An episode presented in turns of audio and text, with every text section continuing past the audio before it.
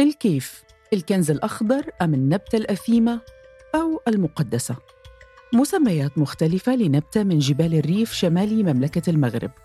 تعددت استخداماتها في الطب والصناعة والترفيه. ومؤخراً استخدمت وسيلة احتجاج على حرب إسرائيل الحالية على غزة من قبل تجار الحشيش أو كما يعرف علمياً بالقنب الهندي. نقلت القناة الثانية عشرة الإسرائيلية والصحيفة العبرية ماكو عن أحد التجار الإسرائيليين قوله إنهم حرموا من التعامل مع التجار مباشرة أو حتى عبر الوسطاء بسبب الحرب وأن التجار المغاربة قرروا مقاطعة المعاملات التجارية مع الزبائن الإسرائيليين.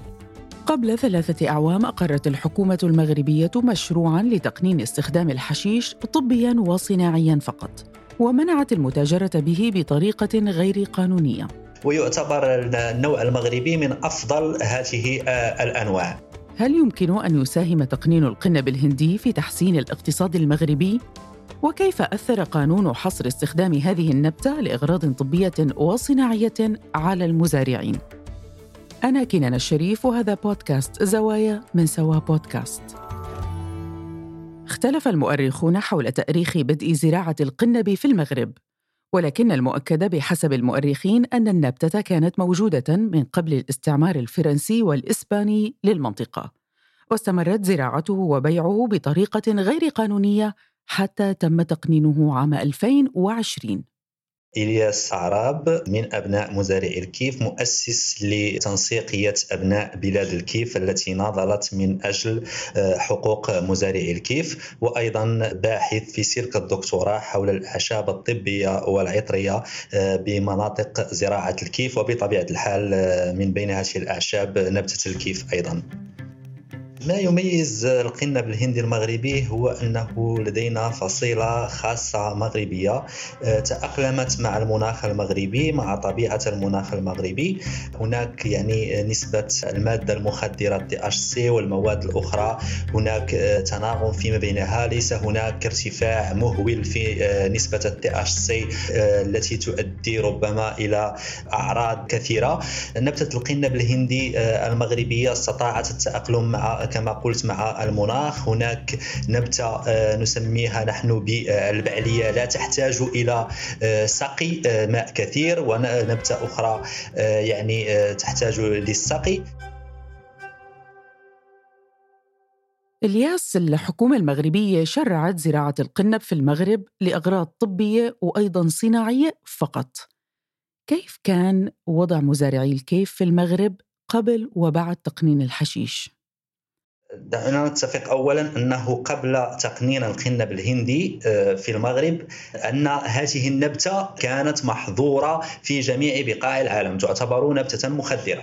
يعني كان آه، وفي المغرب كان الحديث عنها فقط آه، هو طابو. يعني لا يجرؤ الكثيرون على الحديث عن هذه النبتة سواء حول استعمالها لا طبيا ولا صناعيا أو حتى الاستعمال الترفيهي بحسب تقرير حكومي صدر عام 2021 فإن هناك أكثر من 400 ألف مزارع في منطقة الريف يزرعون القنب الهندي. جزء منهم ملحق قضائيا بسبب ذلك. الياس نفهم أنه كانت تتم ملاحقة مزارعي القنب من السلطات الأمنية في الجبال.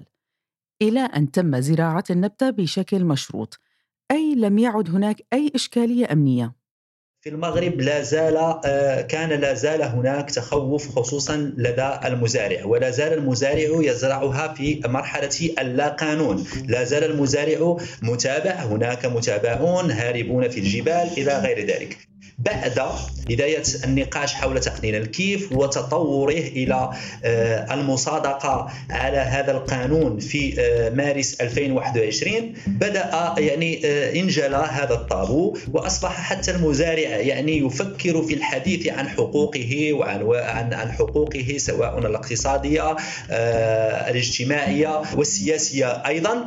زال نوعا ما الخوف لدى مزارعي القنب الهندي في الجبال. هذا هو الفرق الذي يمكن أن نلمسه الآن. هو ذلك الخوف الذي كان يعشش في أذهان مزارعي القنب الهندي وأبنائهم من جراء المتابعات.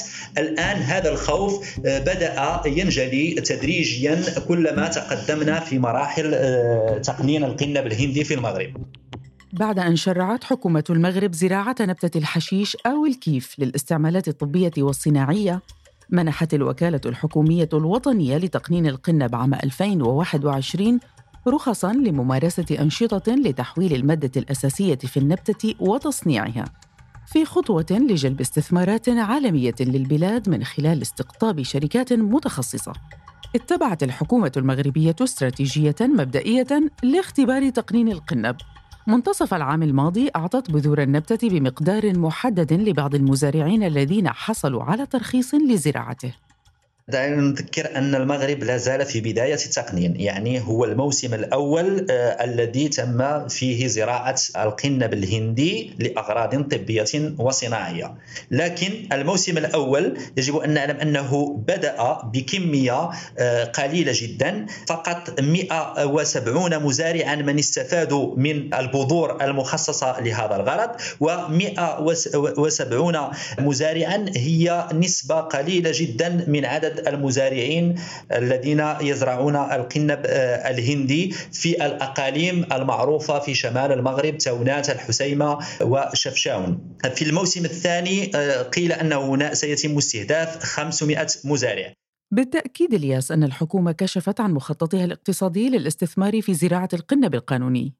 دعيني أتحدث هنا عن دراسة اعتمدتها وزارة الداخلية المغربية في نظرتها لهذا المشروع حيث أكدت أن الدخل الصافي للهكتار من التقنين سيصل إلى 110 ألف درهم آه، سنويا ووضعت فرضيتين توقعت من خلالهما أن تبلغ حصة المغرب في السوق الأوروبية 10% في حدود آه، سنة 2028 هو ما يشكل 420 مليون دولار. فرضية ثانية أنها ستصل إلى 15% أي آه، من السوق أي ما يقارب 630 مليون آه، دولار. إذا فهناك نظرة مستقبلية للمغرب من أجل الاستفادة من هذا من هذا المشروع. ويلاحظ الآن من خلال عدد طلبات آه، المزارعين والطلبات المقدمة للوكالة المكلفة بتقنين قنب الهندي أن هناك مزارعون تشجعوا لهذه لهذه الزراعة بحيث أنه في دجنبر 2023 تم منح 609 ترخيص جديد من أصل 1063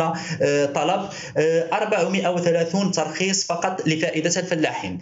فكرة جذب الاستثمارات للمغرب تطورت بعد سن قانون زراعة الكيف.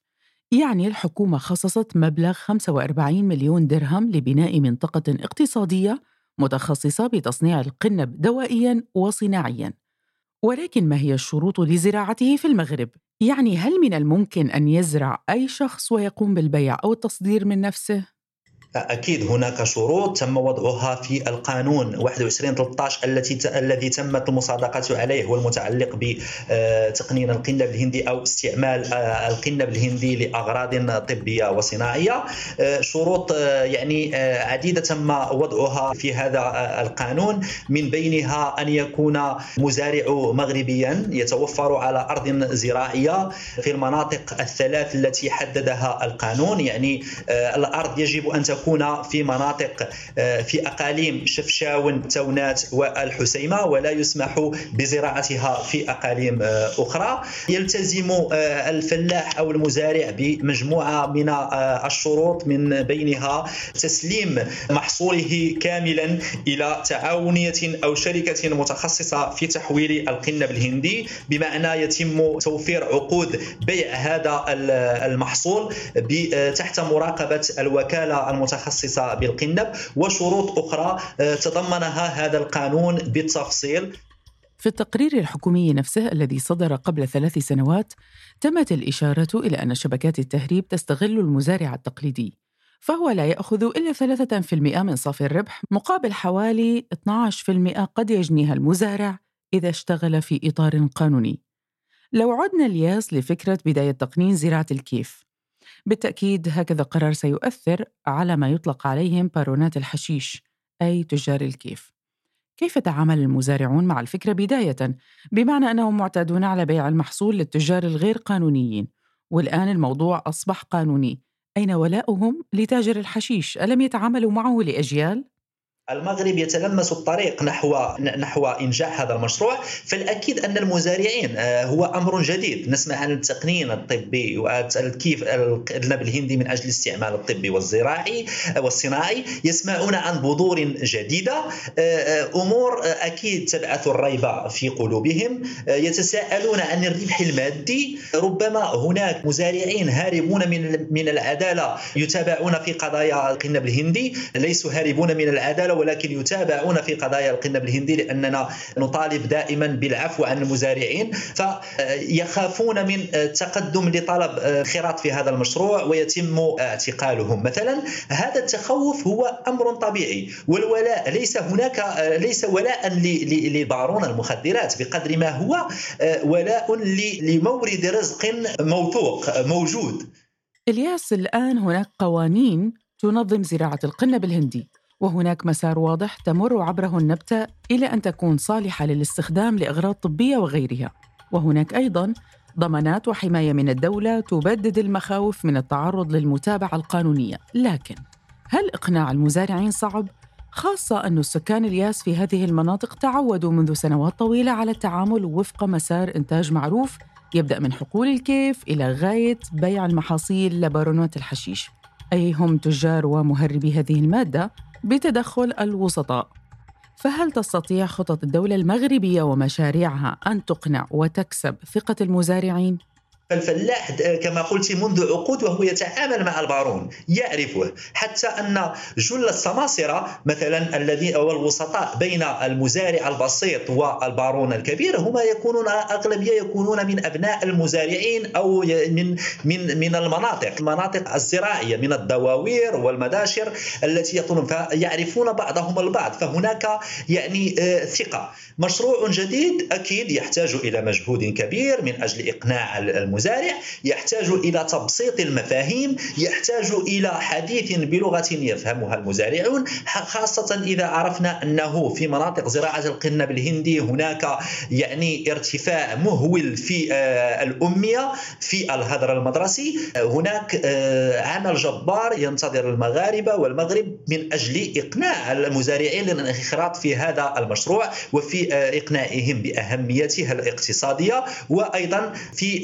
دوره من أجل آه، يعني حماية حقوقهم القانونية الاقتصادية الاجتماعية والسياسية أيضا. اذا فهذا التخوف بالنسبة لنا نراه تخوفا طبيعيا لأن التقنين هو موضوع جديد ونحتاج إلى آه، النزول عند المزارع المزارع البسيط والتعامل معه أو التواصل معه بلغته التي يفهمها وخاصة أيضا آه، إذا أضفنا موضوع الأمية فنحن نتحدث عن مناطق أمازيغية تتحدث بالأمازيغية بأمازيغية بأمازيغية صنهاجه ستراير أو غمارة في هذه المناطق فيجب أيضا توظيف حتى اللغة الأم لإيصال المعلومة الصحيحة للمزارعين البسطاء لكي ينخرطوا في هذا المشروع كيف كان رأي الشارع المغربي حول تقنين زراعة الحشيش حكوميا والاستثمار فيه؟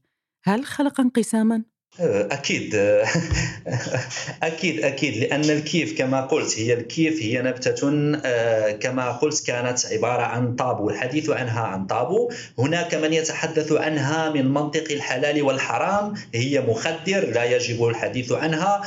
هناك من كان يسمع التقنين يعتقد أن الدولة حاليا تتحدث عن تقنين تدخين القنب الهندي يعني الاستعمال الترفيهي. بينما الدولة كانت تتحدث عن التقنين الطبي والصناعي فهذا عدم الفهم وعدم آه، وحتى التوجهات الإيديولوجية فحتى التوجهات الإيديولوجية ساهمت في آه، في هذا الانقسام لأنه آه، من كان يتحدث من منطق الحلال والحرام هي الجهات التي لها توجه إسلامي خاصة حزب العدالة والتنمية المغربي الذي كان هو الحزب الحاكم قبل الحكومة الحكومة الحكومة الحالية. فكان بما أنه له توجه إسلامي فكان يتحدث عن هذا الموضوع من هذا من هذا المنظور. بينما هناك من يتحدث كما نحن كأبناء مزارع الكيف كنا نتحدث من منطق حقوقي. نريد حقوق هؤلاء المزارعين الذين عانوا من التهميش والاحتقار وال يعني والاضطهاد لسنوات عديدة يعني منذ فجر الاستقلال وهؤلاء الفلاحين كانوا يعانون. فهذا الانقسام كما قلت حسب زاوية النظر وحسب التوجه الإيديولوجي وحسب يعني مجموعة من من الأمور ساهمت في في هذا الانقسام. معطيات حكومية مغربية أشارت إلى أن عدد مستهلكي القنب الهندي في المغرب يتراوح ما بين 4 و 5% من السكان البالغين. تبدو نسبة أقل من تلك التي أشار إليها مثلا موقع Insider Monkey المتخصص في التصنيفات إذ حدد نسبة الاستهلاك المحلي في 11% نسبة وضعت المغرب في المركز الخامس عشر في ترتيب الدول الأكثر استهلاكاً للحشيش بينما تصدرت كل من إسرائيل وجامايكا والولايات المتحدة الأمريكية المراكز الثلاث الأولى لهذا التصنيف.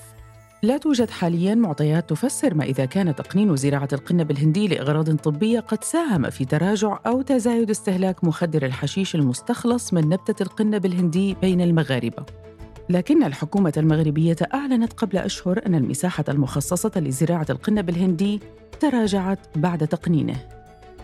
الشارع المغربي انقسم حول شرعية تقنين الكيف، رغم حصر الدولة استعماله في مجالي الدواء والصناعة فقط. وبعد شهر من قرار التقنين، ظهرت أصوات نشطاء مغاربة تطالب بتشريعه ترفيهياً، إذ أطلقوا نداء يدعو الأحزاب السياسية ومنظمات المجتمع المدني إلى الانخراط في نقاش عمومي حول تقنين الاستعمال الترفيهي للحشيش. مع مراعاة توصيات السلامة فهل تتجه الحكومة المغربية مستقبلا لذلك؟ كان هذا بودكاست زوايا من سوا بودكاست من كتابة وإعداد كينان الشريف. مراجعات عبد العالي زهار. ميكساج ميراس عريان. إشراف سوا بودكاست محمد فاروق عبد الرحمن وأنا كنان الشريف. إذا أعجبكم ما نقدمه الرجاء تقييم الحلقات على منصات الاستماع للبودكاست وأرسلوا لنا تعليقاتكم واقتراحاتكم على منصات التواصل الاجتماعي. إلى اللقاء في موضوع جديد في بودكاست زوايا.